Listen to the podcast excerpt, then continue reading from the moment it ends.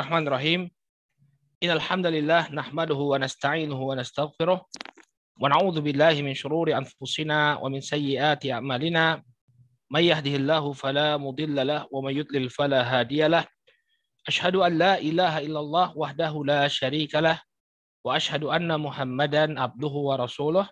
Allahumma salli wa sallim ala Muhammad wa ala alihi wa sahbihi wa man ittaba'a hudahu ila yaumiddin amma ba'd. Saudara kaum muslimin yang dirahmati oleh Allah, alhamdulillah puji dan syukur kita panjatkan tak henti-hentinya kepada Allah Subhanahu wa taala atas segala nikmat yang telah Allah Subhanahu wa taala anugerahkan kepada kita semua, terutama nikmat uh, taufik dan hidayah ya sehingga sampai saat ini kita masih bisa melaksanakan amalan ketaatan kepada Allah. Mudah-mudahan Allah Subhanahu wa taala menganugerahkan keistiqomahan kepada kita semua. Salawat serta salam semoga senantiasa tercurah kepada junjungan kita Nabi Muhammad, kepada keluarga, para sahabat, dan pengikut beliau hingga akhir zaman. Saudaraku kaum muslimin yang dirahmati oleh Allah, Alhamdulillah di kesempatan uh, malam hari ini waktu Indonesia atau di siang hari waktu UK dan sekitarnya, kita dikumpulkan oleh Allah Subhanahu wa taala untuk membahas sebuah tema kajian yang uh, cukup penting untuk diketahui oleh setiap muslim dan muslimah, terutama karena sebentar lagi insya Allah kita akan memasuki bulan Ramadan. Ya, sekitar 12 atau ya 12 atau 11 hari lagi, insya Allah kita akan memasuki bulan yang mulia, yakni bulan Ramadan. Sebagaimana yang telah kita ketahui bersama bahwa di bulan Ramadan kita disyariatkan, bahkan diwajibkan untuk melaksanakan sebuah ibadah yang mulia, ibadah yang merupakan salah satu dari rukun Islam yang lima, yaitu ibadah puasa. Dalam surat Al-Baqarah, ayat yang ke-183 Allah Subhanahu wa taala berfirman, "Ya ayyuhalladzina amanu kutiba alaikumus syiyam kama kutiba alal ladzina min qablikum la'allakum tattaqun."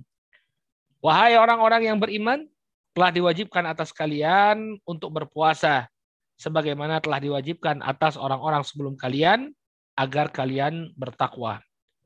Maka wajib baginya ya seorang muslim untuk dia berpuasa di bulan Ramadan. Dan sebagaimana yang kita katakan tadi, dia termasuk salah satu dari rukun Islam. Dalam hadis yang diriwayatkan dari sahabat Abdullah bin Umar radhiyallahu taala anhuma, Nabi Shallallahu alaihi wasallam bersabda, "Bunyal Islamu ala khamsin." Syahadati an la ilaha illallah wa anna muhammadan rasulullah wa iqamis salah wa ita'iz zakah wa saumi ramadan wa hajjil bait. Kata Rasul Shallallahu Alaihi Wasallam, Islam itu dibangun atas lima perkara, ya persaksian bahwa tidak ada sesembahan yang berhak untuk disembah melainkan Allah dan bahwasanya Muhammad adalah utusan Allah, kemudian menegakkan sholat, menunaikan zakat, berpuasa di bulan Ramadan dan berhaji ke Baitullah. Sehingga tidak boleh bagi seorang muslim tanpa adanya uzur kemudian dia meninggalkan puasa di bulan Ramadan. Ya.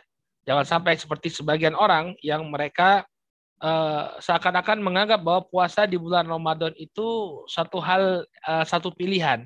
Anda boleh berpuasa, Anda juga Anda diperintah untuk berpuasa tapi Anda boleh juga berbuka. Ya, sehingga kita kadang-kadang uh, melihat ya ada orang tidak berpuasa bahkan mereka menunjukkan ke hadapan umum bahwa dia tidak berpuasa. Ya, kalau kita tanya kenapa kamu tidak puasa, ya saya tidak sahur Pak Ustadz. Ya. ya saya pernah tanya ada tukang parkir ya ngerokok. Kemudian saya tanya kenapa nggak puasa, saya bilang gitu. Anu Pak Ustadz tidak sahur. Tidak ada kewajiban untuk sahur ya. Anda tetap wajib untuk berpuasa walaupun tidak tidak sahur. Ya, sehingga uh, inilah tugas kita barakallahu fikum menyampaikan kepada umat tentang kewajiban berpuasa ini. Ya, kalau kita melihat ada seorang muslim yang tidak berpuasa, cobalah berikan nasihat yang baik kepada mereka. Mudah-mudahan Allah Subhanahu wa taala menjadikan kita sebagai uh, pembuka hidayah bagi mereka. Coba saja dahulu ya, jangan jangan takut dulu akan dicibir atau akan mendapatkan respon yang negatif. Itu satu hal yang wajar, tapi coba berikan nasihat berikan nasihat kepada saudara kita yang kita lihat oh dia seorang muslim tapi tidak berpuasa. Ya mudah-mudahan kalau kita negurnya dengan penuh keikhlasan negurnya dengan cara yang baik Allah Subhanahu wa taala berikan hidayah melalui dakwah yang kita lakukan. Ya. Baik. Maka puasa ini merupakan satu kewajiban dan Allah Subhanahu wa taala telah uh, menjanjikan keutamaan yang sangat luar biasa dengan diampuninya dosa-dosa seorang ketika dia berpuasa di bulan Ramadan. Ya, dalam hadis yang diriwayatkan oleh Al-Imam Al-Bukhari dan Muslim dari sahabat uh, Abu Hurairah radhiyallahu taala anhu, Nabi Shallallahu alaihi wasallam bersabda, "Man shoma Ramadhana imanan wa ihtisaban, ghufira lahu ma taqaddama min dhanbihi." Barang siapa yang dia berpuasa di bulan Ramadan dengan penuh keimanan, artinya dia beriman tentang wajibnya puasa Ramadan, wahtisaban dan mengharapkan pahala dari Allah Subhanahu wa taala, ghufirallahu ma taqaddama min dzanbih. Maka akan diampuni dosa-dosanya yang telah berlalu. Ini di antara keutamaan puasa di bulan Ramadan. Maka saudaraku kaum muslimin yang dirahmati oleh Allah, keberadaan kita di bulan Ramadan itu jangan disia-siakan. Jangan disia-siakan. Tahukah Anda bahwa Jibril alaihissalam itu pernah mendoakan kejelekan kepada orang-orang yang menyanyiakan bulan Ramadan. Disebutkan oleh Al-Imam Al-Bukhari dalam uh, Al-Adabul Mufrad, beliau meriwayatkan dari sahabat Abu Hurairah radhiyallahu taala anhu, Abu Hurairah berkisah, Raqan Nabi sallallahu alaihi wa alihi wasallam ala mimbar Faqala amin, amin, amin. Suatu ketika Nabi Shallallahu Alaihi Wasallam naik ke atas mimbar. Kemudian beliau alaihi salatu wasallam tiba-tiba mengucapkan amin, amin, amin. Maka ini tentunya menimbulkan tanda tanya ya tanda tanya di benak para sahabat ada apa ini kenapa baginda Rasul Shallallahu Alaihi Wasallam naik ke atas mimbar lalu mengucapkan amin tiga kali maka mereka pun bertanya kepada Rasul Shallallahu Alaihi Wasallam, Ya Rasulullah, mada kunta tasna? Wahai Rasulullah, apa yang baru saja kau lakukan? Apa yang terjadi? Maka kemudian Rasul Shallallahu Alaihi Wasallam menjelaskan kepada para sahabat, beliau mengatakan, Atani Jibril. Aku baru saja didatangi oleh malaikat Jibril alaihissalam. Fakolali kemudian dia mengatakan kepadaku, Rogi anfu abdin adroka abawaihi au ahadahuma walam yudkhilul jannah. Ya. Kata Nabi Shallallahu celaka seorang hamba yang masih mendapati kedua orang tuanya, kata Jibril ya.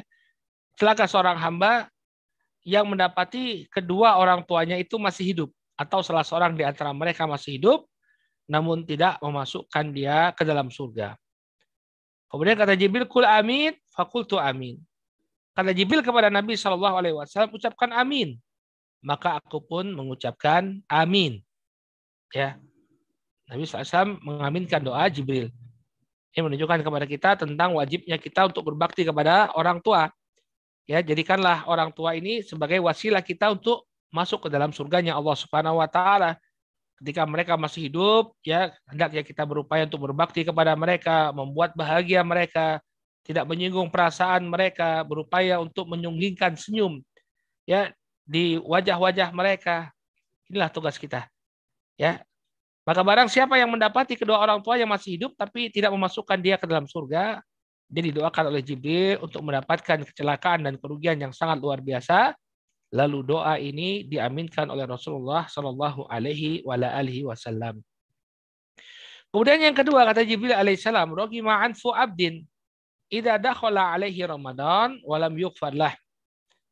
Celaka dan merugilah seorang hamba apabila ya masuk padanya bulan Ramadan namun dosa-dosanya tidak diampuni. Artinya dia tidak memanfaatkan momen Ramadan ini sebaik-baiknya untuk beribadah kepada Allah. Maka sangat merugilah dia.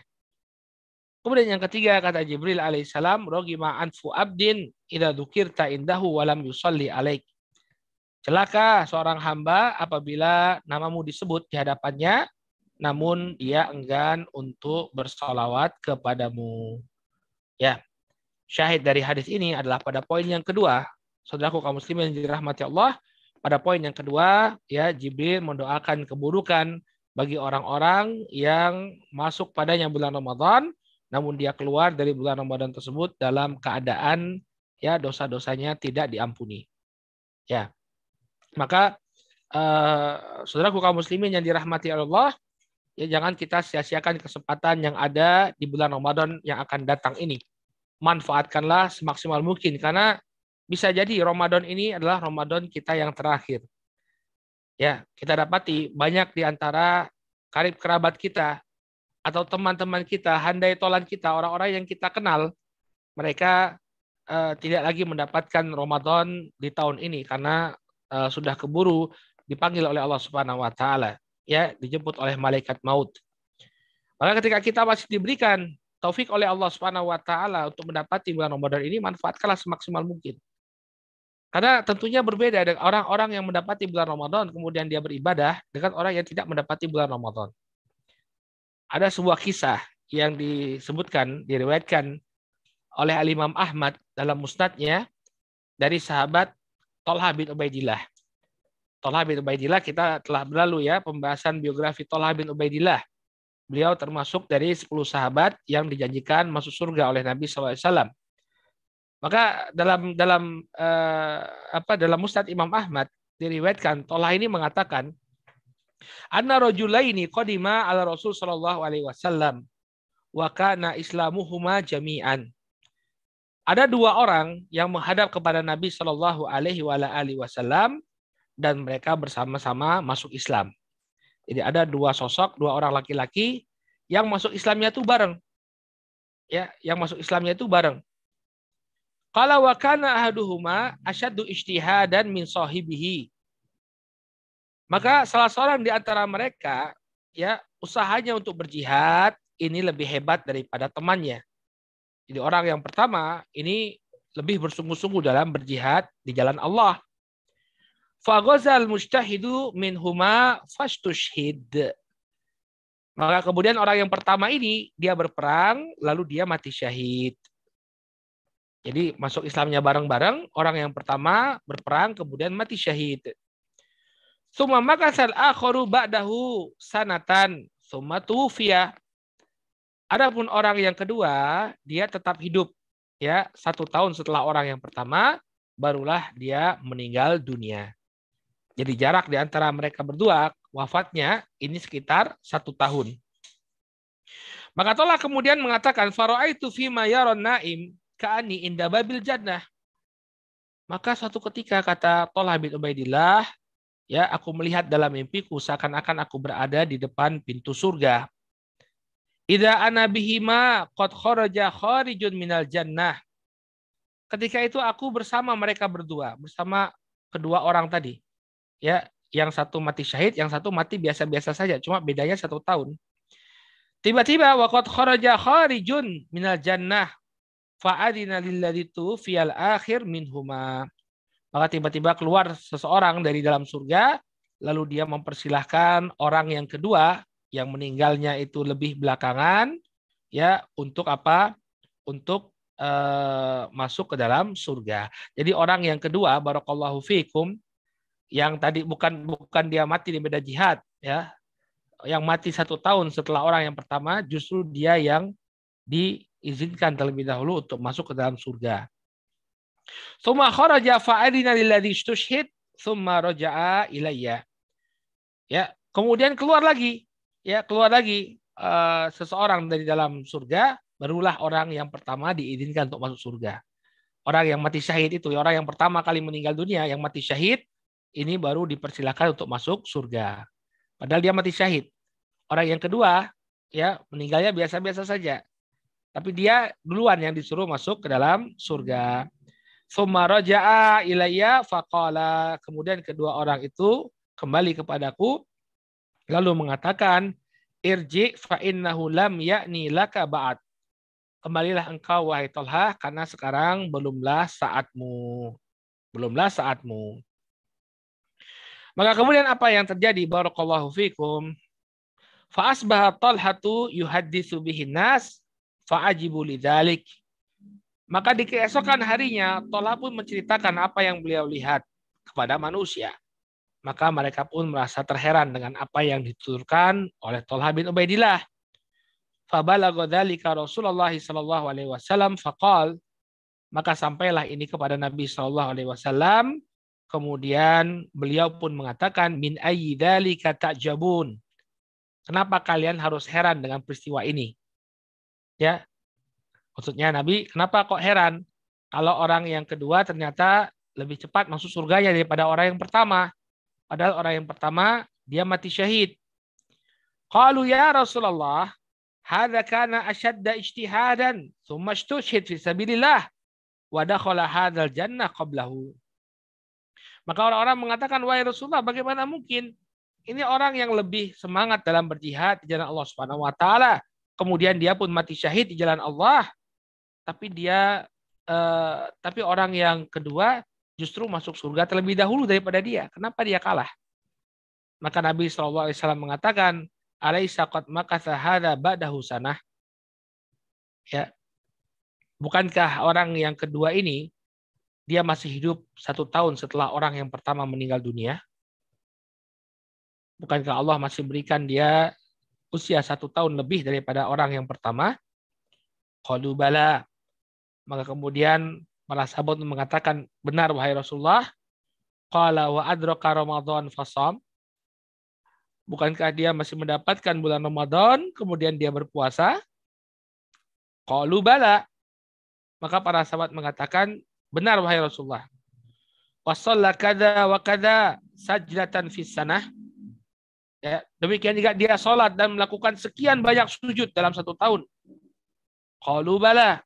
Maka para sahabat mengatakan, Qala Rasul uh, mengatakan, benar wahai Rasulullah. Qala Rasul sallallahu alaihi wasallam, ya falama bainahuma abad ma bainas sama'i wal ard ya maka jarak antara kedua mereka jarak di antara amalan mereka ini seperti langit dan bumi. Ya, ini menunjukkan kepada kita bahwa kalau diberi kesempatan kepada Allah kita tuh harus bersyukur. Lihat orang ini jarak usia jarak usianya cuma satu tahun jarak kematiannya cuma satu tahun. Tapi ternyata dia banyak sekali melebihi amalan saudaranya selama satu tahun. Oleh karena itu, saudara kaum muslimin yang dirahmati Allah, ya ini mendorong kita untuk benar-benar bersemangat untuk melakukan ibadah di bulan Ramadan. Ya, karena kita tidak tahu barakallahu fikum kapan Allah Subhanahu wa taala akan memanggil kita. Kematian adalah rahasia Allah Subhanahu wa taala. Ya, jangan sampai kemudian kesempatan yang ada di hadapan mata kita tidak kita manfaatkan kemudian kita menyesal karena tidak ya menggunakannya sebaik sebaik mungkin ya jangan sampai kemudian kita menyesal barakallahu fiikum ya oleh karena itu ya agar kita bersemangat ya dalam melakukan amalan maka insya Allah di kesempatan kali ini kita akan coba untuk menguraikan ya beberapa keteladanan yang diberikan oleh generasi awal Islam ya generasi awal Islam yang mereka adalah contoh keteladanan kita mereka adalah orang-orang yang telah diridhoi oleh Allah Subhanahu wa taala. Allah Subhanahu wa taala mengatakan ini uh, ayat yang sering kali kita bacakan dalam pelajaran sirah sahabat yang kita uh, kita kaji secara rutin. Allah Subhanahu wa taala mengatakan as-sabiqunal awwalun minal muhajirin wal ansar walladzina tabauhum bi ihsan radhiyallahu anhum wa radu'an wa adda lahum jannatin tajri tahtaha al-anhar khalidina fiha abada dzalikal fawzul azim. Karena Allah Subhanahu wa taala orang-orang yang masuk Islam baik itu dari kalangan muhajirin maupun ansar dan orang-orang yang mengikuti mereka dengan baik. Allah Subhanahu wa taala ridho kepada mereka dan mereka pun ridho kepada Allah dan Allah Subhanahu wa taala telah menjanjikan bagi mereka surga yang mengalir di bawahnya sungai-sungai. Mereka kekal abadi di dalamnya selama-lamanya yang demikian ini merupakan keutamaan yang demikian besar atau kemenangan yang demikian besar. Ayat ini menunjukkan kepada kita bahwa generasi awal Islam adalah generasi yang telah diridhoi oleh Allah Subhanahu wa taala. Radhiyallahu anhum wa radu'an. Allah Subhanahu wa taala ridho kepada mereka dan mereka pun ridho kepada Allah Subhanahu wa taala. Maka hendaknya kita mengikuti keteladanan yang mereka berikan. Disebutkan oleh Al-Imam Ibnu Qayyim rahimahullah dalam I'lamul Muwaqqi'in beliau mengatakan qala Syafi'i rahimahullah berkata Al-Imam Syafi'i rahimahullah Waqad asnallahu ala sahaba fil Quran wa Taurah wal Injil wa sabaqa lahum minal fadl ala lisani nabiyihim ma laisa li ahadin ba'dahum Allah Subhanahu wa taala telah memuji para sahabat Nabi sallallahu alaihi wasallam baik itu dalam Al-Qur'an, demikian juga dalam Taurat dan Injil. Dan mereka telah uh, memiliki dan keutamaan mereka telah disebutkan melalui lisannya Nabi Nabi Nabi mereka alaihi salatu wasalam. Keutamaan yang tidak didapatkan pada generasi setelah mereka. Wa fi sahihaini min hadithi Abdullah bin Mas'ud ani Nabi sallallahu alaihi wasallam qala dalam as-sahihain dalam sahih Al-Bukhari dan Muslim dari hadisnya Abdullah bin Mas'ud dari Nabi sallallahu alaihi wasallam beliau mengatakan khairun nasi qarni thumma alladina yalunahum thumma alladina yalunahum. Ya. Uh, Nabi SAW mengatakan sebaik-baik manusia ya adalah generasiku. Kemudian yang setelah mereka kemudian yang setelah mereka. Demikian juga dalam Sahih Al Bukhari dan Muslim dari Abu Sa'id Al Khudri Nabi SAW mengatakan la tasubu ashabi falau anna ahadakum anfaqa mithla uhudin dhahaban ma balagha mudda ahadihim wala nasifah. Jangan sampai kalian mencela sahabat-sahabatku apabila salah seorang di antara kalian berinfak ya dengan infak emas sebesar gunung Uhud maka ini tidaklah setara dengan ya sodakoh mereka walaupun itu hanya satu mud. Satu mud itu satu cakupan tangan. Sahabat sodakoh kurma satu mud, sodakoh gandum satu mud, ini dibandingkan dengan sodakoh kita berupa uh, Uhud, ya emas sebesar gunung Uhud, maka apa yang diberikan oleh para sahabat ini lebih berat timbangan amalannya daripada apa yang kita sodakohkan. Ya, maka ini di antara dalil barokallahu fikum yang menunjukkan keutamaan para sahabat idwanullah alaihim ajmain. Ya, kemudian Al-Imam mengatakan ya bahwa generasi yang terbaik secara mutlak adalah generasi para sahabat ya mereka adalah generasi yang terbaik. Maka sudah selayaknya bagi bagi kita barakallahu fikum untuk meneladani apa yang mereka contohkan. Nah kita sekarang berbicara tentang Ramadan. Maka kita coba lihat kita akan kaji apa saja sih contoh keteladanan yang diberikan oleh para sahabat Nabi Shallallahu Alaihi Wasallam di bulan Ramadan. Ya para sahabat Nabi dan juga generasi awal Islam para tabiut tabiin. Baik Allah Ta'ala alamnya. Eh, kami mencoba untuk mengumpulkannya beberapa keterangan dari para ulama ya tentang apa saja sih yang dilakukan oleh para sahabat atau bagaimana keadaan mereka ketika bulan Ramadan sehingga kita bisa melalui mereka. Yang pertama, barokallahu fikum, ya kita bisa melihat antusiasme mereka dalam menyambut bulan Ramadan. Ya, generasi awal Islam, para salafun soleh ridwanullah alaihim ajmain mereka sangat antusias untuk menyambut kedatangan bulan Ramadan. Sampai-sampai enam bulan, enam bulan sebelum datangnya bulan Ramadan, mereka sudah meminta kepada Allah Subhanahu wa taala agar mereka disampaikan, dipertemukan dengan bulan yang mulia tersebut. Disebutkan oleh Al-Imam Ibnu Rajab Al-Hambali dalam kitab Lataiful Ma'arif ya, Beliau menyebutkan sebuah riwayat dari Mu'alla bin Al-Fadl. Mu'alla bin Al-Fadl ini adalah seorang ulama tabi'ut tabi'in. Ulama uh, Mu'alla bin Fadl mengatakan, "Kanu yad'una Allah Ta'ala sittata ashhur an yuballighahum Ramadan." Dahulu generasi awal Islam mereka berdoa kepada Allah Subhanahu wa taala enam bulan agar Allah Subhanahu wa taala menyampaikan mereka kepada bulan Ramadan. Jadi enam bulan sebelum datangnya bulan Ramadan mereka sudah berdoa kepada Allah, bermunajat kepada Allah agar Allah Subhanahu wa taala menyampaikan mereka kepada bulan Ramadan. Qala wa yad'unahu sittata ashhur an yataqabbala minhum. Dan mereka berdoa kepada Allah Subhanahu wa taala enam bulan, selama enam bulan agar Allah menerima amalan ibadah mereka di bulan Ramadan. Agar Allah menerima amalan mereka di bulan Ramadan. Ya, jadi ini yang kita dapati dari para salafun saleh ridwan Allah alaihim ajmain. Enam bulan sebelum datangnya bulan Ramadan, mereka sudah berdoa kepada Allah. Meminta agar Allah subhanahu wa ta'ala ya mempertemukan mereka dengan bulan Ramadan. Nah kemudian setelah bulan Ramadan berakhir, mereka bukannya dengan PD mengklaim, ya bahwa uh, amalan kami telah diterima oleh Allah. Tidak. Ini sering yang terjadi di tengah-tengah kita. Barakallahu fikum. Orang ketika dia berada di hari raya Idul Fitri, dia katakan apa? Kita telah kembali kepada fitrah kita. Ya, kita telah kembali kepada fitrah kita. Artinya apa? Dosa-dosa kita telah dibersihkan, kita kembali suci seperti kertas yang berwarna putih. Bahkan tidak jarang ucapan ini diucapkan juga oleh para penceramah, para khatib-khatib sholat Id. Maka ini suatu kekeliruan. Ya, kita itu diampuni dosanya kalau amalan puasa kita itu diterima oleh Allah. Siapa yang bisa memastikan amalan puasa kita diterima oleh Allah sehingga kita mengklaim diri kita sudah menjadi kertas putih yang terlepas dari dosa. Ya, tidak ada yang menjamin. Lihat para salafun saleh ridwan Allah alaihim ajmain. Enam bulan pasca Ramadan mereka berdoa kepada Allah Subhanahu wa taala agar menerima amalan mereka selama bulan Ramadan. Ya, nah ini yang perlu kita teladani. Antusias untuk apa? Eh, menyambut bulan Ramadan, demikian juga berdoa kepada Allah agar amalannya di bulan Ramadan diterima oleh Allah Subhanahu wa taala. Baik, ini yang pertama ya, antusias dalam menyambut bulan Ramadan.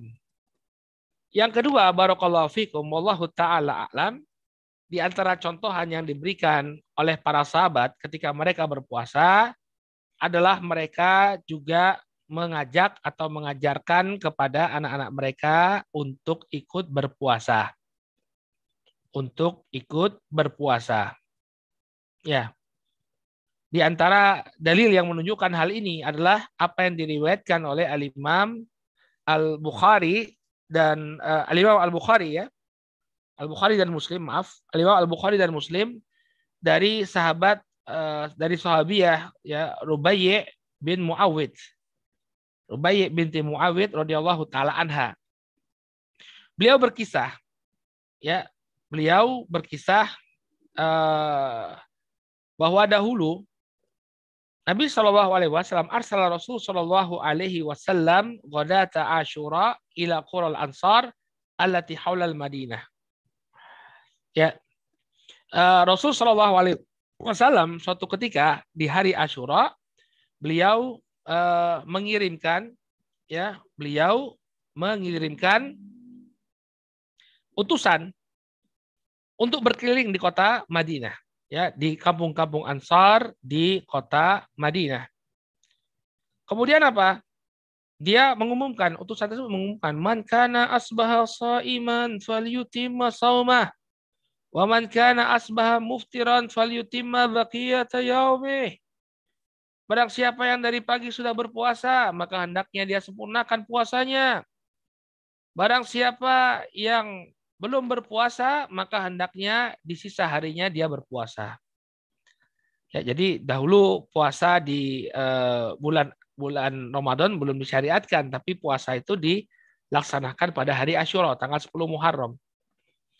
Maka kemudian apa? Memang ini bukan pada puasa Ramadan, tapi kita ambil ibrohnya. Ini ketika di, diperintahkan untuk berpuasa. Apa yang dilakukan oleh para sahabat? Kata Rubayy binti Muawid, fakunna ba'da dzalika nasumuh wa nusawwi musibyanana as-sigar minhum insyaallah. Maka kami segera berpuasa dan kami perintahkan anak-anak kami yang masih kecil untuk berpuasa ya insya Allah ya sesuai dengan apa yang Allah Subhanahu wa taala inginkan. Bahkan kata Rubaye ketika itu kami buat mainan. Ya, buat mainan yang kami berikan kalau mereka bisa menahan lapar mereka. Maka ini eh, pelajaran dari eh, kisah ini, saudaraku kaum muslimin yang dirahmati oleh Allah, bahwa hendaknya kita ya ajak kita ajak eh, anak-anak kita untuk taat kepada Allah. Jangan biarkan mereka terlena. Biasakan mereka untuk berpuasa. Kalau mereka masih di bawah umur, belum wajib bagi mereka berpuasa, perlu kita latih. Kata Imam Ibnu Battal dalam syarah beliau terhadap hadis ini, ya melatih anak-anak atau memerintahkan anak-anak agar mereka beribadah uh, sedari dini, ini memiliki tiga faedah. Yang pertama agar hidup mereka barokah. Hidupnya jadi barokah. Dari kecil sudah soleh. bukan uh, ketika rambutnya mulai beruban baru soleh ya enggak. Tapi dari kecil sudah soleh dia, sudah menjalankan ketaatan kepada Allah. Kemudian yang kedua, ya sebagai bentuk pembiasaan. Jadi dia terbiasa. Ya, dia terbiasa untuk melakukan amalan ketaatan. Kemudian yang ketiga, agar tidak terasa berat bagi dia ketika perkara itu sudah diwajibkan. Maka kita ajak anak-anak kita untuk berpuasa dan disesuaikan dengan kemampuan mereka. Ya, ajak mereka puasa, tapi kalau misalnya mereka mampunya sampai waktu duhur, ya silahkan mereka berbuka waktu duhur. Kalau mereka eh, merasa lapar, misalnya udah nggak tahan lagi jam 10 misalnya, pulang dari sekolah mereka sudah meminta makanan, ya sudah. Karena memang tidak ada kewajiban bagi mereka. Tapi kita ajarkan kepada mereka untuk ber, berpuasa sesuai dengan kemampuan mereka. Baik. Kemudian yang ketiga, barakallahu fikum. Di antara keteladanan yang bisa kita dapatkan dari para salafun soleh ridwanullah alaihim ajmain dalam ibadah puasa mereka, mereka benar-benar berupaya untuk mencegah diri mereka jangan sampai terjatuh pada perbuatan yang sia-sia atau ucapan yang keji. Jadi puasanya benar-benar mereka jaga jadi bukan hanya menahan lapar dahaga saja, tapi juga menahan agar dia tidak melakukan ucapan dusta, ucapan yang kotor, atau perbuatan-perbuatan yang keji. Dalam sebuah hadis yang diriwayatkan oleh Al-Imam Al-Bukhari dari sahabat Abu Hurairah radhiyallahu taala anhu Nabi Shallallahu alaihi wasallam mengatakan, "Man lam yada qaula zur wal amala bihi falaisa lillahi hajatun fi ayyada ta'amahu wa syarabah." Kata Nabi Shallallahu Alaihi Wasallam, barang siapa yang tidak meninggalkan ucapan dosa dan perbuatan keji, maka Allah Subhanahu Wa Taala tidak butuh dia meninggalkan makan dan minumnya. Ya, jadi kalau kita tidak meninggalkan uh, ucapan yang dusta, perbuatan yang keji, ya Allah tidak butuh kepada puasa puasa kita. Nah, keteladanan apa yang kita dapatkan dari para salafun soleh ridwanullah alaih alaihi ajmain ya uh, alaihim ajmain dalam permasalahan ini dalam bab ini diriwayatkan oleh Abu Nuaim dalam Hilyah Hilyatul Aulia an Abi Hurairah radhiyallahu anhu dari Abu Hurairah radhiyallahu anhu annahu kana wa ashabuhu idza samu qa'adu fil masjid bahwa Abu Hurairah dan murid-murid beliau apabila dalam keadaan berpuasa beliau duduk-duduk di masjid atau mereka duduk-duduk di masjid kalau mereka mengatakan nutahiru mana? Ya. Kenapa kami kemudian duduk-duduk di masjid? Ini untuk membersihkan puasa kami. Lalu Al-Imam Abu Nuaim mengatakan yahfaduna siyamahum minal lagwi warrafati wa qawli zur wa min kulli ma yufsiduhu aw yunkisu ajrahu. Jadi mereka menjaga puasa mereka dari perbuatan sia-sia ya perbuatan keji dan ucapan keji atau ucapan dusta. Dan dari segala sesuatu yang bisa merusak atau mengurangi pahala puasa tersebut. Jadi tujuannya Abu Hurairah kenapa beliau berada di Masjid Barakallahu fiikum? Karena masjid itu rumah Allah. Orang kalau ingin uh, melakukan kemaksiatan di masjid, mereka mikir-mikir, ini rumah Allah. Sehingga lebih terjaga barakallahu fikum. Makanya Abu Hurairah dan para murid beliau ya eh, mereka berada di masjid ketika puasa agar puasa mereka lebih terjaga ya nah maka ini juga eh, contoh keteladanan bagaimana mereka berupaya untuk menjaga puasa mereka dari hal-hal yang bisa mengurangi pahala puasa tersebut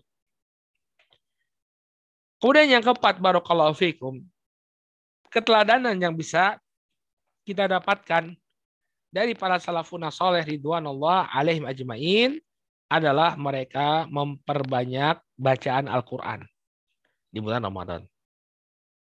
Sebagaimana kita ketahui bersama bahwa bulan Ramadan adalah bulannya Al-Quran.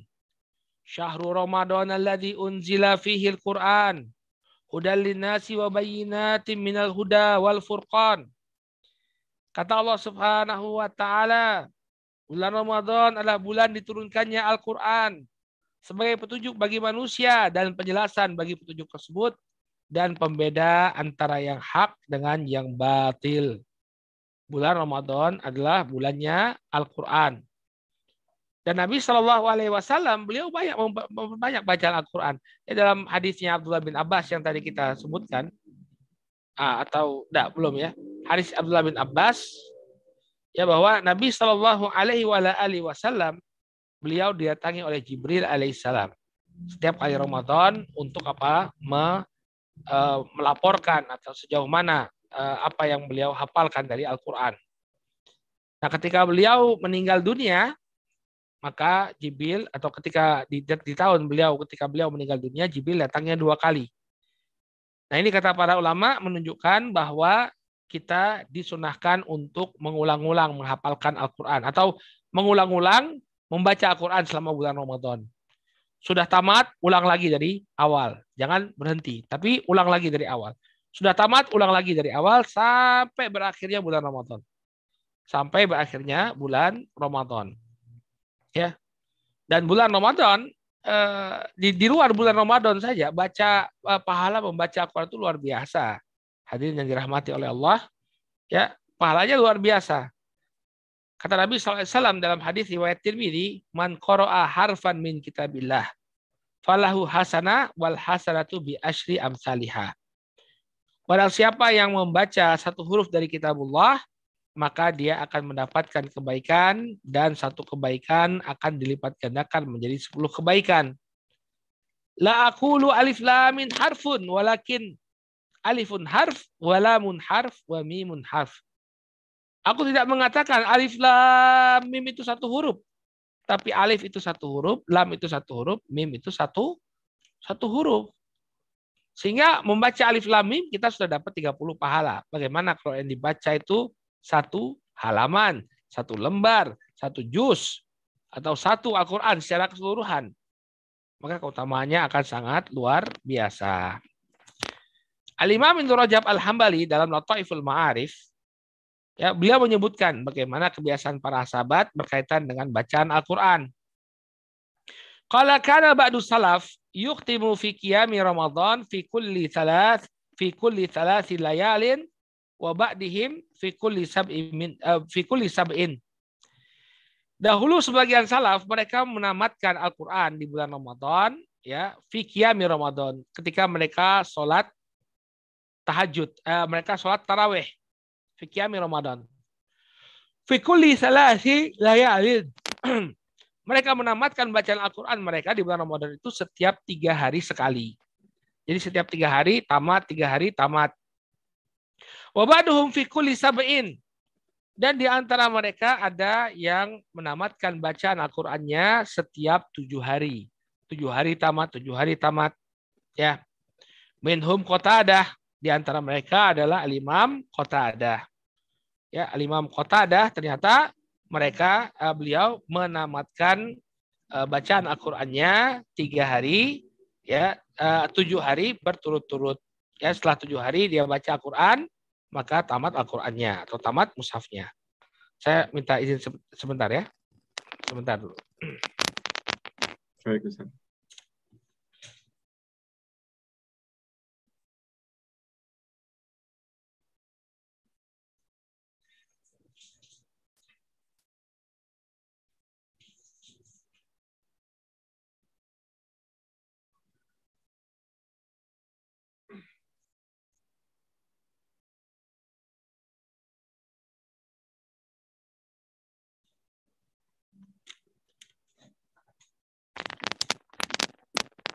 Baik, kita kembali. ya. Di antaranya Imam Qatada. Imam Qatada beliau ya selama um, menamatkan Al-Qur'an di bulan Ramadan itu dalam waktu tujuh, tujuh hari. Wa ba'duhum fi kulli asyarah minhum Abu Raja Al-Ataridi. Dan di antara mereka ada yang menamatkan Al-Quran setiap 10 hari. Jadi satu bulan dia tamat tiga kali. Ya, Wa kana salaf yatluna Quran fi syahri Ramadan fi shalah wa ghairiha. Ya, dan dahulu kebiasaannya salaf, mereka itu membaca Al-Qur'annya ya di bulan Ramadan itu baik dalam sholat maupun di luar sholat. Jadi ada yang membaca mushaf, yang menamatkan Al-Qur'annya dengan membaca mushaf, ada juga yang menamatkan baca Al-Qur'annya, Al-Qur'annya itu dibaca dalam sholat. Al-Qur'annya dibaca dalam sholat. Ya, kanal aswad yaqra fi lailataini fi Ramadan. Ya, dahulu Al-Aswad ya, beliau membaca Al-Qur'an, ini menamatkan baca Al-Qur'annya setiap dua malam sekali.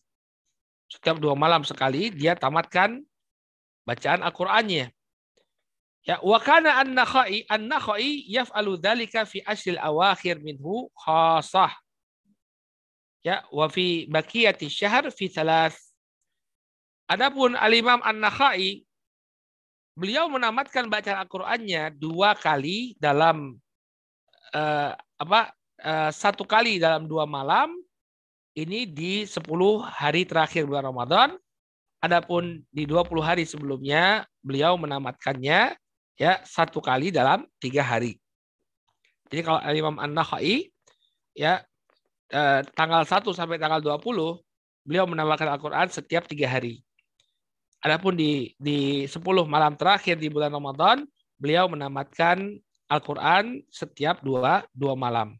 Setiap dua malam tamat, dua malam tamat, dua malam tamat. Ya. Dan masih banyak lagi ya contoh-contoh yang uh, diberikan oleh para salafun soleh ridwanullah alaihim ajmain. Ya, disebutkan juga oleh beliau karena qatada yukhtimu fi kulli sab'in daiman wa fi ramadan fi kulli thalath Dahulu Al-Imam Qatada beliau menamatkan bacaan Al-Qur'annya ya setiap tujuh hari sekali. Dan di uh, wa fi kulli salas. Ya wa fi Ramadan fi kulli salas. Di bulan Ramadan beliau menamatkan Al-Qur'an tiga kali tiga hari sekali. Tiga hari sekali. Wa fi asyri awakhir kullu lailatin. Adapun di 10 malam terakhir beliau menamatkan Al-Qur'an pada setiap malam.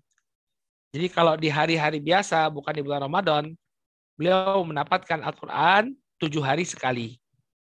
Ya, kemudian eh, di bulan di awal-awal bulan Ramadan beliau menamatkan ya menamatkan Al-Quran ya menamatkan Al-Quran eh, berapa? Tiga hari sekali Kemudian di 10 malam terakhir beliau menamatkan Al-Qur'an pada setiap setiap malam, pada setiap malam. Ini Al-Imam Qatada. Wa kana Syafi'i dan dahulu Imam Syafi'i fi Ramadan situna khutmah yaqra'uha fi ghairi shalah. Adapun Al-Imam Asy-Syafi'i di bulan Ramadan beliau menamatkan Al-Qur'an sampai 60 kali. Berarti kan satu hari dua kali tamat Al-Qur'an. Fi ghairi shalah ya dan itu dilakukan di luar sholat. Wa'an Abi Hanifah nahwahu. Dan ini juga dilakukan oleh Al-Imam Abu Hanifah. Berarti mereka menamatkan Al-Quran satu kali, uh, satu hari, dua kali. Sehari itu, sehari semalam, tamat baca Al-Quran dua, dua kali. Wa kana Zuhri idza dakhala Ramadan qala fa innama huwa tilawatul Quran wa it'amut ta'am.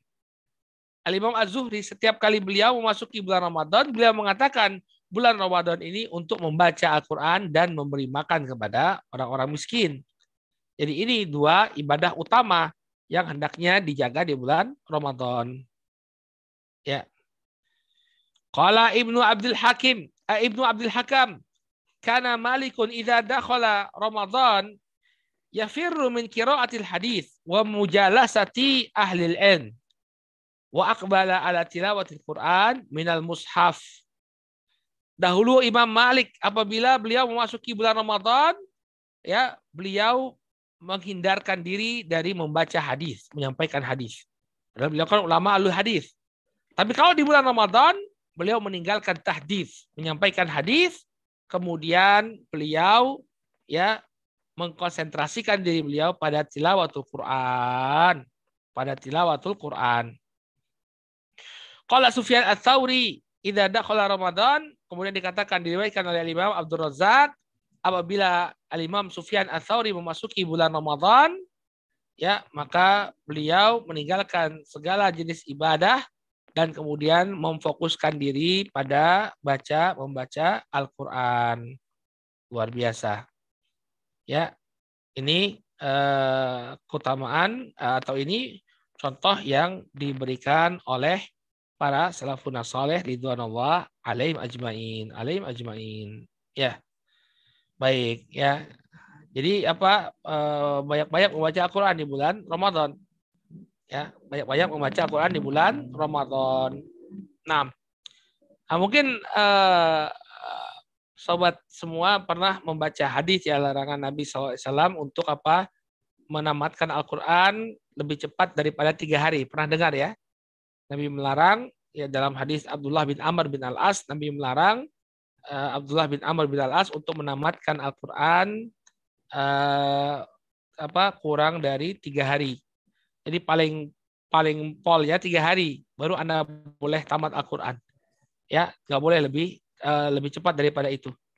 Maka disebutkan oleh Imam Ibnu Rajab ya kenapa kok apa yang dilakukan oleh salafun saleh seperti yang dilakukan oleh Syafi'i satu hari tamat dua dua dua kali Al-Qur'an yang padahal Nabi melarang untuk menamatkan Al-Qur'an ya kecuali tiga hari atau lebih. Maka kata Imam Ibnu Rajab ya yang terjadi di sini adalah uh, mereka uh, melakukannya di bulan Ramadan. Ya mereka melakukannya di bulan Ramadan. Jadi karena Ramadan ini memiliki keistimewaan, ya maka mereka berupaya untuk menamatkan Al-Quran bahkan lebih daripada uh, tiga hari, lebih cepat daripada tiga hari. Tapi kalau di luar bulan Ramadan, mereka membacanya tidaklah lebih dari tiga hari atau paling maksimal ya tiga hari sekali tamatnya. Kata Al-Imam Ibnu Rajab, Innama warada an-nahyu an Qur'an fi aqal min salasa min salasin ya alal mudawamah ya larangan Nabi SAW untuk membaca Al-Quran menamatkan bacaan Al-Quran lebih cepat daripada tiga hari ini kalau dilakukan secara terus menerus ya fa'ama fil awqat al mufaddalah kasyahri Ramadan khususan al-layali lati yutlab fiha Lailatul Qadar au fil amakin mufaddalah kama kata liman dakhalaha min ghairi ahliha fayustahab al-iksar fiha min tilawatil Quran iktinaman lizaman wa makan. Larangan Nabi untuk menamatkan Al-Quran eh, kurang dari tiga hari, ini kalau kita lakukan secara terus-menerus. Adapun di waktu-waktu tertentu, waktu-waktu yang memiliki keutamaan seperti bulan Ramadan, terutama di malam-malam di mana kita mencari Lailatul Qadar, atau di tempat-tempat yang memiliki keutamaan seperti kota Makkah bagi orang yang memasukinya dan dia bukan penduduk kota Makkah maka disunahkan baginya untuk memperbanyak membaca Al-Quran agar mendapatkan faedah dari waktu dan tempat tersebut. Naam, ya. Jadi kita eh, apa? Kita menamatkan Al-Quran kurang dari tiga hari ini larangannya eh, bagi bagi eh, apa? Larangannya itu Eh, berlaku di luar Ramadan. Tapi ketika kita berada di bulan Ramadan, maka banyak-banyaklah kita membaca Al-Quran. Karena apa? Karena ada keutamaan. Waktunya waktu yang khusus. Nah, baik. Ini yang berkenaan dengan membaca Al-Quran. Kemudian yang keenam, Barakallahu Fikum, atau yang kelima ya. Keteladanan yang kelima dari mereka adalah banyak bersodakoh. Ini banyak bersodakoh. Ya. Nabi Shallallahu Alaihi Wasallam dalam hadis yang diriwayatkan oleh Al Imam Al Bukhari dari sahabat Abdullah bin Abbas, Abdullah bin Abbas cerita, karena Rasul Shallallahu Alaihi Wasallam dan nas, wa kana ajwadu ma yakunu fi Ramadan. Abdullah bin Abbas mengisahkan bahwa Nabi itu adalah orang yang paling dermawan dan beliau lebih dermawan lagi di saat bulan Ramadan. Jadi beliau lebih dermawan lagi di bulan Ramadan. Bahkan kata Abdullah bin Abbas ketika mensifati kedermawanan Rasulullah, karihin mursalah. Rasulullah itu dermawan, seakan-akan beliau adalah angin yang berhembus, beri sana beri sini dengan mudah. Maka hendaknya kita memperbanyak sodakoh di bulan Ramadan ketika kita berpuasa. Disebutkan oleh Al-Imam Ad-Dhahabi dalam Syiar Ala bin Dubala ketika beliau bercerita tentang ibunda Aisyah radhiyallahu taala anha. Ya, dahulu pelayannya Aisyah yang bernama Ummu Dzarrah ya berkisah bahwa keponakan Aisyah yang bernama Abdullah bin Zubair ini pernah memberikan hadiah kepada Aisyah ya eh, sejumlah seribu dirham ya seribu keping uang perak diberikan kepada Aisyah radhiyallahu taala anha. Maka kemudian Aisyah pun memanggil pembantunya tersebut lalu membagi-bagikan uang yang diberikan oleh keponakannya Abdullah bin Zubair. 100 keping uang perak ludes seketika dibagi-bagikan oleh ibunda Aisyah radhiyallahu taala anha. Maka kemudian eh, ketika tiba waktu berbuka ya maka pembantunya tadi membawakan makanan kepada Aisyah. Kemudian pembantunya mengatakan ya ummal mukminin amas tata'ta antashtari lana lahman bidirham ya wahai umul mukminin bukankah kau bisa membeli ya dengan satu dirham tadi? Ya kau bisa membelikan daging untuk kami. Artinya berbuka puasanya uh, bukan dengan hal yang sederhana tapi berbuka dengan daging. Kalau Aisyah menyisihkan satu dirham saja satu keping saja uang perak maka sudah bisa membeli membeli apa? Uh, daging untuk dimakan. Maka Aisyah mengatakan la tu'annifini lau azkarti uh, lau azkar uh, tini la fa'altu. Jangan kau cela aku, ya. Apabila tadi kau ingatkan sebelum aku bagi-bagikan kau ingatkan untuk menyisakan satu keping uang perak untuk dibelikan uh, daging, maka aku akan tinggalkan untuk kalian. Maka aku akan tinggalkan untuk kalian. Ini menunjukkan semangat beliau untuk bersodakoh ketika berpuasa. Kemudian apalagi keteladanan yang diberikan oleh mereka? Ya, di antaranya adalah tidak berlebihan ketika berbuka. Dalam Hilyatul Aulia disebutkan Abu Hurairah itu memiliki 15 keping kurma. Ya, 15 butir kurma, maka 5 kurma untuk berbuka, 5 kurma ya untuk dipakai sahur dan 5 kurma dikumpulkan untuk membayar zakat fitri. Ya, zakat fitrah berupa makanan. Jadi 15 butil kurma barakallahu fikum. Limanya untuk beliau makan berbuka, limanya untuk beliau makan untuk apa? sahur dan limanya disimpan untuk zakat fitrah. Kemudian keteladanan yang ketujuh, barakallahu fikum. Ya di antara salafun salih ridwanullah alaihim ajmain, mereka suka berbuka bersama orang miskin. Disebutkan oleh Imam Ibnu Rajab dalam Lataiful Ma'arif bahwa Ibnu Umar ya uh, la la yuftiru illa ma'al miskin atau illa ala uh, ma'al masakin. Ya karena Ibnu Umar yasumu wala yuftiru illa ma'al masakin. Dahulu Ibnu Umar beliau berpuasa dan beliau tidaklah berbuka kecuali bersama orang-orang miskin. Luar biasa ya. Jadi beliau bukan justru berkumpul dengan orang-orang kaya, beliau justru kumpul dengan orang-orang miskin untuk makan bersama. Kemudian juga keteladanan yang diberikan oleh para salafun soleh ya bahwa mereka memperbanyak doa. Dalam hadis yang diriwayatkan oleh Imam itu Majah dari Abdullah bin Abi Mulaikah dia mengatakan ya bahwa Abdullah bin Amr bin Al-As bersabda atau mengatakan bahwa Rasulullah SAW bersabda ya kata Rasul Shallallahu alaihi wasallam inna lisaim inda fitrihi la da'watun ma turad ya sesungguhnya bagi orang yang berpuasa dia memiliki satu waktu sebelum berbuka ya bagi dakwah yang akan dikabulkan oleh Allah Subhanahu wa taala. Ya, jadi uh, barang siapa yang ingin uh, berdoa, dia berdoa ketika berbuka. Karena ini doa yang tidak ditolak oleh Allah Subhanahu wa taala. Ya. Kemudian apalagi yang diriwayatkan berupa keteladanan salafun saleh ridwanullah alim ajmain ya mereka sholat uh, qiyamul lail dengan begitu panjang rokaatnya. Ya, kata Imam uh, Ibnu Rajab ya bahwa Umar bin Khattab memerintahkan Ubay bin Ka'ab dan Tamim Ad-Dari untuk mengimami manusia di bulan Ramadan, maka mereka ketika itu membaca 200 ayat dalam satu rokaat. Banyak sekali ya. Dua ya ratus ayat dalam satu rokaat. Maka ini menunjukkan panjangnya ya qiyamul lail yang mereka lakukan di bulan Ramadan. Karena masih banyak lagi ya. Ada beberapa lagi ya yang dilakukan oleh para sahabat, di antaranya beritikaf. Ya, bahkan ini dilakukan oleh istri Nabi Shallallahu Alaihi Wasallam. Seperti dengan beliau, istri-istri beliau beritikaf. Kemudian yang ke-11 ya menghidupkan 10 malam terakhir dengan ibadah.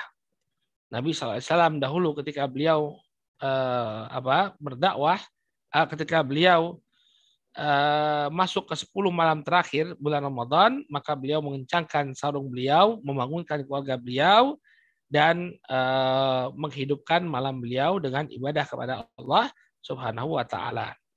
Kemudian yang terakhir, di antara teladan yang diberikan oleh para salafun saleh, mereka berupaya untuk mencari malam Lailatul Qadar. Sampai-sampai Aisyah itu bertanya kepada Rasul Shallallahu alaihi wasallam, "Wahai Rasulullah, apabila saya mendapati Lailatul Qadar, apa yang harus saya baca? Lalu diajari oleh Nabi Shallallahu Alaihi Wasallam, Allahumma inna ka'afun tuhibbul afwa fa'fu anni. Ya Allah, Engkau mencintai pemaafan, Engkau uh, Engkau uh, Maha Pemaaf, Engkau mencintai pemaafan, maka maafkanlah ya, maka maafkanlah dosa dosa dosaku. Ini saudaraku kaum muslimin yang dirahmati Allah ya beberapa keteladanan yang diberikan oleh para salafun saleh ridwanullah alaihim ajmain. Ya mudah-mudahan apa yang disampaikan bermanfaat. Ya kemudian kalau ada yang ingin tanyakan kami persilahkan. Ya kalau saya Ustaz atas kajiannya. Um, ini udah ada beberapa pertanyaan yang masuk. Ini, uh, ini saya coba share screen dulu ya Ustaz ya. Oke. Okay. Baik Ustaz, ini pertanyaan uh, pertama. Assalamualaikum warahmatullahi wabarakatuh Ustaz. Izin bertanya. Assalamualaikum Adakah patokan umur kapan kita mulai mengajak anak untuk berpuasa? Ini juga ya. mungkin kalau saya boleh Ustaz nambahin. Tadi Ustadz bilang um, ada disiapkan mainan ya, kalau nggak salah untuk menarik, biar menarik gitu, biar, biar mereka ikut berpuasa. Itu um, ya se, sampai bagaimana tuh Ustaz? Maksudnya bolehnya kita uh, mengajak an anak itu maksudnya sampai dikasih hadiah gitu Ustaz. ya uh, kapan patokannya kita ngajak anak untuk berpuasa? Ya ketika dia sudah mulai untuk uh, bisa ya menahan lapar ya. Kalau misalnya dalam masalah sholat kan Nabi mengatakan Eh, muru auladakum bisalah abda'u sabah. Perintahkanlah anak-anak kalian untuk sholat ketika mereka berusia tujuh tahun. Maka mungkin tujuh tahun juga kita berlakukan untuk uh, puasa mereka. Namun apabila mereka minta sendiri sebelum tujuh tahun sudah meminta untuk puasa, maka penuhi. Dan sesuai dengan apa yang mereka mampu. Kalau mereka mampunya sampai tengah hari, ya sudah sampai tengah hari. Kalau mereka sampai asar masih mampu, ya silakan sampai asar. Kalau mereka mampu satu hari, maka alham, alhamdulillah. Nah, sampai kapan kita e, memberikan hadiah kepada anak, anak kita ya sampai dia bisa berpuasa tanpa hadiah. Ya, misalnya e, di awal-awal puasa dia masih berat melakukannya, kita motivasi dengan memberikan hadiah. Tapi kalau dia sudah dewasa, ya sudah balik misalnya, ya sudah tanpa harus hadiah, tanpa hadiah, tanpa hadiah pun dia harus berpu, berpuasa. Jadi sebenarnya tidak ada uh, ukuran eh, waktu eksak bagi mereka kapan diperintahkan untuk berpuasa kita luas-luas saja kalau dia sudah mampu untuk berpuasa maka ajak dia untuk berpuasa ya dan silakan berikan hadiah kepada dia ya eh, sampai dia cukup dewasa untuk berpuasa dengan mandiri. Nah, begitu ya Pak. Ya, kalau Ustaz. Oh Ini ya. Tadi sepertinya ada yang mau bertanya langsung, cuman udah resen sepertinya uh, menurunkan tangan lagi ya mungkin kalau ada yang mau ditanyakan langsung dipersilahkan kembali ya. Um, tapi ini sebelumnya mungkin saya share screen lagi untuk pertanyaan nomor dua Ustaz. Assalamualaikum warahmatullahi wabarakatuh. Uh, izin bertanya Pak Ustadz bagaimana jika kakak wanita kami yang memiliki hutang puasa Ramadan tahun lalu belum dibayar dan tidak ada tanda-tanda niat untuk membayar padahal sudah diingatkan. Berapa sering atau jauh harus kami ingatkan yang ini kami dari yang tinggal satu rumah nih Ustaz. Baik, seharusnya tidak boleh dia tunda-tunda ya. Harusnya dia bayarkan ini ya. Terakhir untuk membayarkan itu ya bulan Syaban ini. Ya kalau dia lebih daripada bulan Syaban ini sudah masuk bulan Ramadan tanpa adanya uzur, tidak kunjung dia bayar berdosa dia. Jadi eh, batasannya ya sebelum masuk bulan Ramadan yang baru. Dia harus kodok itu puasa yang dia tinggalkan. Nah masalah antum seberapa sering antum ya lihat kemaslahatannya saja. Kalau misalnya dia diingatkan satu kali sudah cukup, ya kemudian kedua kali belum uh, apa sudah cukup, makanya sudah. Tapi kalau belum cukup, ya udah ingatkan lagi, Kak, nggak boleh, Kak. Ya, nggak boleh kalau kita punya hutang itu kita tunda-tunda bayarnya segera bayarkan. Ini bulan Syaban sekarang sudah ingin memasuki bulan Ramadan yang baru. Maka seseorang melihat uh, kemaslahatannya. Ya, kalau memang kira-kira diingatkan terus kakaknya ini lebih maslahat, maka silakan bagi dia untuk mengingatkan terus. Tapi kalau misalnya mengingatkan terus, nanti dia akan bilang, bawel kalian yang sudah saya lari, saya dari rumah ini nggak mau sama kalian, banyak kemudaratan yang akan muncul, maka hati-hati. Maka hati-hati. Ya faktor kemaslahatan ini perlu menjadi pertimbangan kita. Baik, silakan. Kalau ada yang ditanyakan. Baik Ustaz, um, ini ada yang mau bertanya langsung. Mbak Tati mungkin silakan di-unmute Mbak Tati. Ya.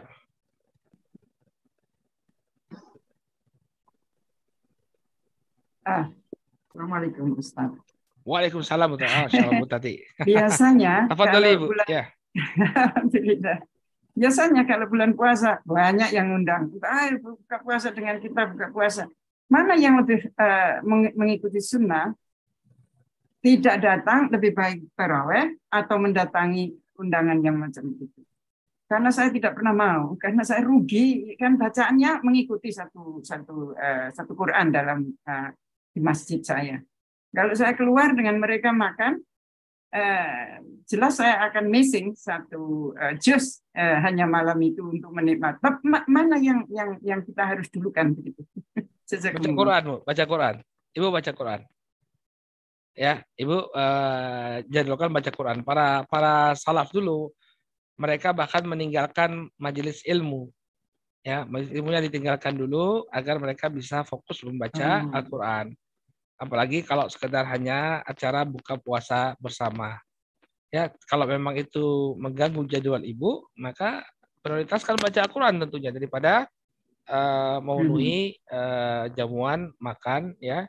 Apalagi nanti ya karena ada sebagian orang yang undang kita belum paham tentang agama, kadang-kadang ya Bu ya, acara hmm. buka puasa tapi pada nggak sholat ada juga yang seperti ya. Iya, iya. Enggak, enggak. Di kita enggak, enggak, enggak. Di kita enggak, kan pada sholat ya. Orang-orang salafi di, di, di grup uh, masjid ini. Tapi kan oh, gitu. waktunya pendek Ustaz di sini itu waktunya pendek. Jadi kalau kita mau buka puasa hmm. jelas akan miss. Nah terawih ini kan continuing dari hari sebelumnya. Kita mengikuti dan uh, kita belajar Quran. Jadi sangat indah kalau kita dan kita dapat dari Saudi dari Al Mutada itu imamnya langsung dari Saudi uh, satu bulan. Dua dua imam dikirim dari Masya Saudi. Allah, Masya setiap Allah. tahun. Jadi bacaannya indah. Saya merasa kok saya akan rugi kalau saya hanya makan. Cuma saya yes. takut kalau hukum itu memang lebih didulukan harus menghormati yang undang daripada miss uh, kehilangan malam terawih malam itu. Gitu. Enggak, enggak, enggak, enggak. Ibu lebih prioritaskan bacaan Quran antum. Eh, Quran ibu itu lebih bagus ya.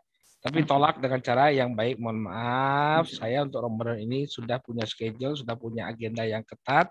Ya mungkin kita bisa uh, acara makan-makan di waktu yang yang lain. Begitu ya Bu ya? Jazakumullah khair. Wa anti jazakillah khairan. Ya. Baik Ustaz, uh, ini mungkin terkait dengan pertanyaan Mbak Tati yang barusan. Mm -hmm. Ini ada dua pertanyaan yang mirip nih Ustaz. Uh, ini saya tampilkan di share screen. Yang pertama nih Assalamualaikum Assalamualaikum Ustadz tentang berbuka bersama orang miskin. Apakah orang miskin yang dimaksud khusus orang miskin yang beragama Islam? Jadi maksudnya um, ya itu uh, dan pertanyaan yang mirip juga nih Ustadz tentang berbuka bersama orang miskin. Uh, kalau ada acara atau pilihan antara berbuka bersama de dengan teman-teman atau berbuka puasa bersama orang-orang miskin di hari yang sama, sebaiknya uh, pilih yang mana nih Ustaz? Iya, orang miskin di sini ya muslim ya. Artinya dia sama-sama berpuasa. Jadi makannya bareng-bareng dengan orang-orang miskin yang juga berpuasa. Kemudian kalau ditanya mana yang lebih utama, puasa sama orang miskin apa sama teman-teman ya, sama orang miskin ya. Karena kita idkhalus surur, memasukkan kegembiraan kepada mereka orang-orang yang sangat membutuhkan ya yang mungkin juga mereka tidak mendapatkan makanan yang layak dalam keseharian mereka ini tentu lebih baik daripada kita berbuka puasa bersama teman-teman kita. Atau kalau ingin tidak e, dibenturkan, ya sudah ajak teman-temannya tadi juga ikut berbuka puasa bersama orang-orang miskin. Jadi teman-temannya dapat eh, apa? Dapat makan bersama, kemudian makan eh, berbuka bersama dengan orang miskinnya juga juga dapat. Ya apa yang bisa kita satukan jangan dibenturkan. Kalau bisa kita lakukan misalnya makan ke teman-teman sambil mengundang orang miskin, maka yang demikian ideal ya. Wallahu taala alam. Tapi kalau misalnya tidak bisa disatukan, makan dengan orang miskin insya Allah lebih memiliki keutamaan. Ya. Silakan Ustaz. Jadi mungkin ada satu pertanyaan juga yang langsung nih dari Ibu Ida Prancis. Uh, silakan di unmute, Bu. Ini dari Prancis ya, Ibu Ibu Ida. Assalamualaikum. Assalamualaikum warahmatullahi wabarakatuh, Ustaz. Waalaikumsalam warahmatullahi ya, Bu. Silakan, Bu. Uh, saya ingin bertanya, misalnya seseorang yang pergi umrah di bulan hmm. Ramadan, lalu karena kecapean dia tidak puasa waktu melakukan umrah.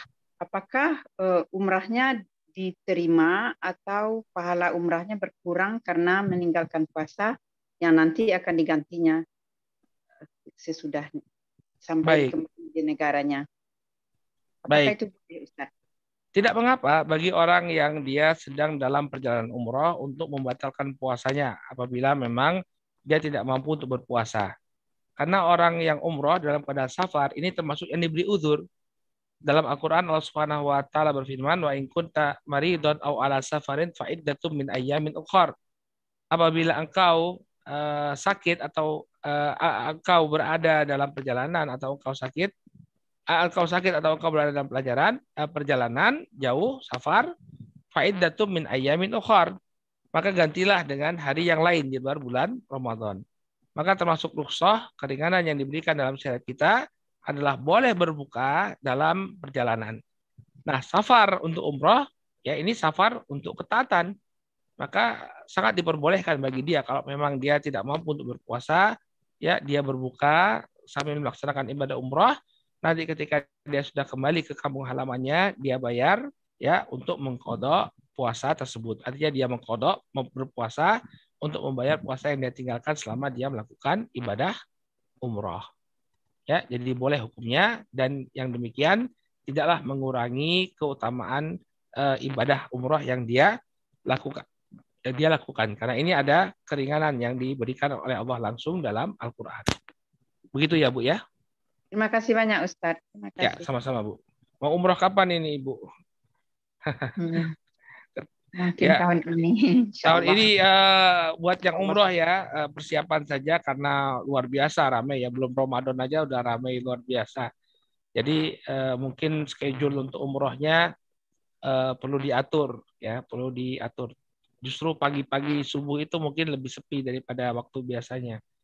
Ya ini sekedar berbagi pengalaman saja. Kadang kita kalau tawaf di pagi hari itu uh, bisa lebih cepat daripada tawaf di malam hari ya tawaf di malam hari itu justru lebih padat dan sulit sekali untuk bergerak. Nah, Allah taala alam. Ya. Makasih Ustaz. Ya, Doakan sama-sama. diberi kekuatan dan ketakwaan. Amin, amin. Mudah-mudahan ya Bu ya saling mendoakan insya Allah. Ya. Terima kasih Ustaz. Assalamualaikum warahmatullahi wabarakatuh. Terima kasih juga pada admin. Ya. Waalaikumsalam. Jazakallah Ustaz. Um, ini pertanyaan berikutnya ini mungkin uh, di luar topik nih Ustaz. Saya share screen kembali. Out of topic OOT. Iya, Lama nggak dengar istilah OOT. Ini Ustaz. Assalamualaikum warahmatullahi wabarakatuh. Ustadz, biasanya di pabrik ada peraturan menggunakan sejenis mantel buat pelindung saat bekerja. Jadi pakaian khusus. Nah, tapi pasangan mantelnya itu celana. Ustadz. Pertanyaannya, jika anak perempuan dan bekerja di sana, apakah anak uh, di dalam pakaian mantel itu perlu pakai rok juga, Ustaz? Apa hukumnya? Ini gambarnya ada di sini, Ustaz, disertakan juga Jadi kayak APD gitu pas waktu zaman COVID begitu Ustaz sepertinya. Kalau dia sesama perempuan insya Allah nggak jadi masalah. Tapi permasalahannya kalau dia sesama ada laki-laki juga di sana, kemudian coba coba lihat pakaiannya tadi. Mohon maaf. Sebentar Ustaz, mohon maaf. Kita khawatirnya itu eh, mohon maaf tonjolan eh, auratnya dia masih kelihatan. Kalau tidak terlalu lebar, tonjolan aurat itu masih kelihatan, jadi bisa dinikmati oleh kaum laki-laki. Maka yang demikian tidak diperbolehkan ya, tidak diperbolehkan. Maka dilihat kalau misalnya yang melihat dia cuma perempuan saja, tidak ada laki-lakinya, nggak jadi masalah insya Allah. Dia pakai baju APD seperti ini. Tapi kalau ada kaum laki-laki saja, nah ini uh, kemungkinan besar uh, pakaian celana yang dia pakai ini akan menunjukkan tonjolan-tonjolan uh, bagian tubuhnya yang merupakan aurat dan menjadikan fitnah ya bahkan uh, bisa menyebabkan dia dilecehkan ya kalau misalnya memang itu menggoda laki-laki yang lain ya jadi uh, sebaiknya ditinggalkan ya sebaiknya ditinggalkan kecuali memang itu hanya dipergunakan sesama wanita baik Allah taala alam baik silakan baik Ustaz uh, sepertinya semua pertanyaan sudah disampaikan termasuk yang Oh, tadi. sudah habis. Masya Allah, Masya Allah. Iya nih Ustaz. Saya mungkin ada pertanyaan sedikit juga sih Ustaz. Kalau boleh out of topic juga nih. Oke. Okay. Silakan. Kalau boleh. Um, ya ini tentang zakat Ustaz sebenarnya. Hmm. Uh, ini di Inggris ada program pensiun nih Ustaz. Cuman mungkin agak berbeda sedikit dengan yang di Indonesia. Okay. Kalau di Indonesia itu kan ada ya semuanya itu yang pensiun itu rata-rata kewajiban ya Ustadz ya dari pemerintah. Jadi dipotong dari penghasilan. Mm-hmm. Dan saya pernah baca itu uh, zakatnya itu nanti terhutang kalau sudah kita dapatkan uh, uh, dana pensiun tersebut. Kalau kita sudah pensiun baru dihitung zakat itu masuk ke penghasilan kita. Ya. Yeah.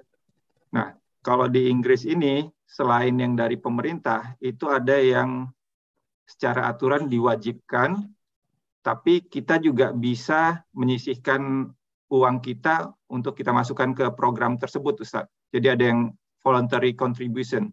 Jadi hmm. seperti tabungan tapi lewat program yang diwajibkan tersebut.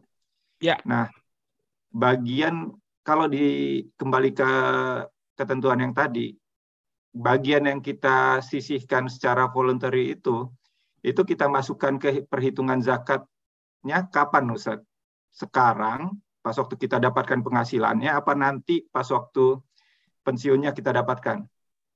Oh, itu sekarang karena uh, dia itu seperti tabungan. Jadi hukumnya seperti tabungan. Tapi sekarang pertanyaannya, apakah uh, dana tersebut bisa kita uangkan sebelum kita pensiun? Enggak, Ustaz. Oh. Nanti. Cuman uh, bagian itu kontribusinya kalau tidak bisa kita miliki ya. Jadi kita hanya store saja, tapi baru kita dapatkan nanti pas pensiun. Iya Ustaz. Cuman yang kita storekan itu terserah kita bisa kita besarkan, bisa hmm. ada minimumnya juga secara persentase. Allah taala alam kalau memang sistemnya seperti itu tidak bisa dihukumi seperti tabungan karena dia memiliki jangka waktu baru bisa kita eh, apa penuhi ya. Iya Ustaz. Allah taala alam ini perlu ditanya ke pakar-pakar fikih muamalah ini. Saya belum bisa jawab karena dari satu sisi harta tersebut akan tetap tersimpan ya di sana tanpa bisa kita uangkan. Baru bisa kita uangkan setelah kita pensiun. Nah, tapi di satu sisi uang itu adalah uang kita kalau kita sudah sampai nisabnya, ya ini masalah ya. Kenapa? Karena ya itu uang kita dan itu tertahan. Seakan-akan dia piutang yang harus dibayarkan oleh uh, pihak yang kita setorkan. Allah Ta'ala ini saya nggak berani jawab. Coba nanti uh, ya mudah-mudahan besok besok saya ketemu Ustadz Arifin Badri ya tanya ke beliau tentang hukum ini insya Allah ya atau ketemu uh, Ustadz Amin Nurbait yang memang mendalami masalah fikih muamalah nanti kita tanyakan kepada beliau berdua. Nanti saya WA ke admin ya kalau sudah dapat jawaban atau saya publikasikan di medsos insya Allah. PR ya ini ya Pak Roland ya, mohon maaf ya. Ya kalau Hair Ustaz, mohon maaf ini merepotkan diri. Nggak apa-apa, nggak apa-apa, insya Allah. Ya. Ya Ustaz, ini sepertinya pertanyaan tadi sudah disampaikan semua. Uh, mohon dibantu untuk ditutup untuk kajian Baik. kali ini. Ustaz. Baik, uh, saudaraku kaum muslimin yang dirahmati Allah, ya alhamdulillah kita telah paparkan ya sebagian keteladanan yang diberikan oleh salafun soleh ridwan Allah alim ajmain yang mudah-mudahan uh, menjadi penyemangat bagi kita untuk mengisi Ramadan ini dengan lebih baik. Ya, jangan sia-siakan kesempatan kita uh, buat jadwal dan target yang harus kita yang mau kita capai di bulan Ramadan dan senantiasa berdoalah kepada Allah Subhanahu wa taala agar Allah senantiasa menganugerahkan taufik dan hidayah kepada kita. Ya mudah-mudahan uh, bulan Ramadan ini bisa mengantarkan kita kepada surga dan juga memberikan ya Allah Subhanahu wa taala berikan uh, ampunan atas amalan-amalan yang kita lakukan. Ya, baik ini yang ini bisa kita sampaikan dalam pertemuan kali ini mudah-mudahan bermanfaat. Kami kembalikan ke uh, Pak Roland silakan untuk ini. Ya, Menutup. Uh, ya. Dengan berakhirnya kajian kali ini, mari kita baca doa kafaratul majelis. Subhanakallahumma wa bihamdika asyhadu alla ilaha illa anta astaghfiruka wa atubu ilaik. Alhamdulillahirabbil alamin. Uh, terima kasih Ustaz atas waktu dan ilmunya. Semoga kajian kali ini bermanfaat bagi kita semua. Dan untuk menyimak kembali kajian kali ini dan kajian-kajian sebelumnya, silahkan kunjungi channel YouTube kami di channel Rumah Rumah Dakwah UK ataupun lewat podcast kami. Kami dari panitia mohon maaf jika ada kekurangan dan kesalahan. Barakallahu fikum. Wassalamualaikum warahmatullahi wabarakatuh. Waalaikumsalam warahmatullahi wabarakatuh. Ya, jazakallah khairan.